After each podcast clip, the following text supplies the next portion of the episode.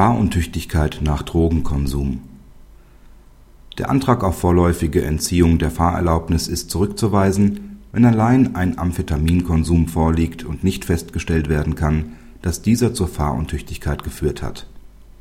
Der Beschuldigte hatte unter dem Einfluss von Amphetaminen ein Kraftfahrzeug geführt. Die Staatsanwaltschaft hatte die vorläufige Entziehung der Fahrerlaubnis beantragt. Diesem Antrag kam das Amtsgericht nicht nach zwar war der Beschuldigte nach der Sachverhaltsschilderung der Polizeibeamten ungewöhnlich gefahren, diese Fahrweise beschränkte sich jedoch auf ein langsames Fahren bzw. auf ein Wenden auf offener Straße.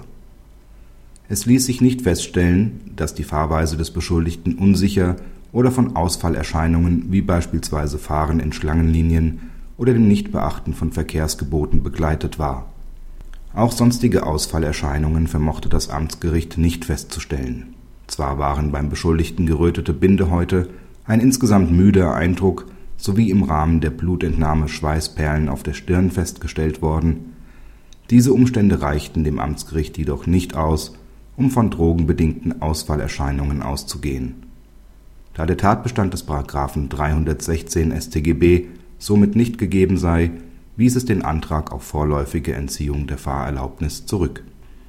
Praxishinweis das Fahren unter Drogeneinfluss kann den Tatbestand des § 316 StGB verwirklichen.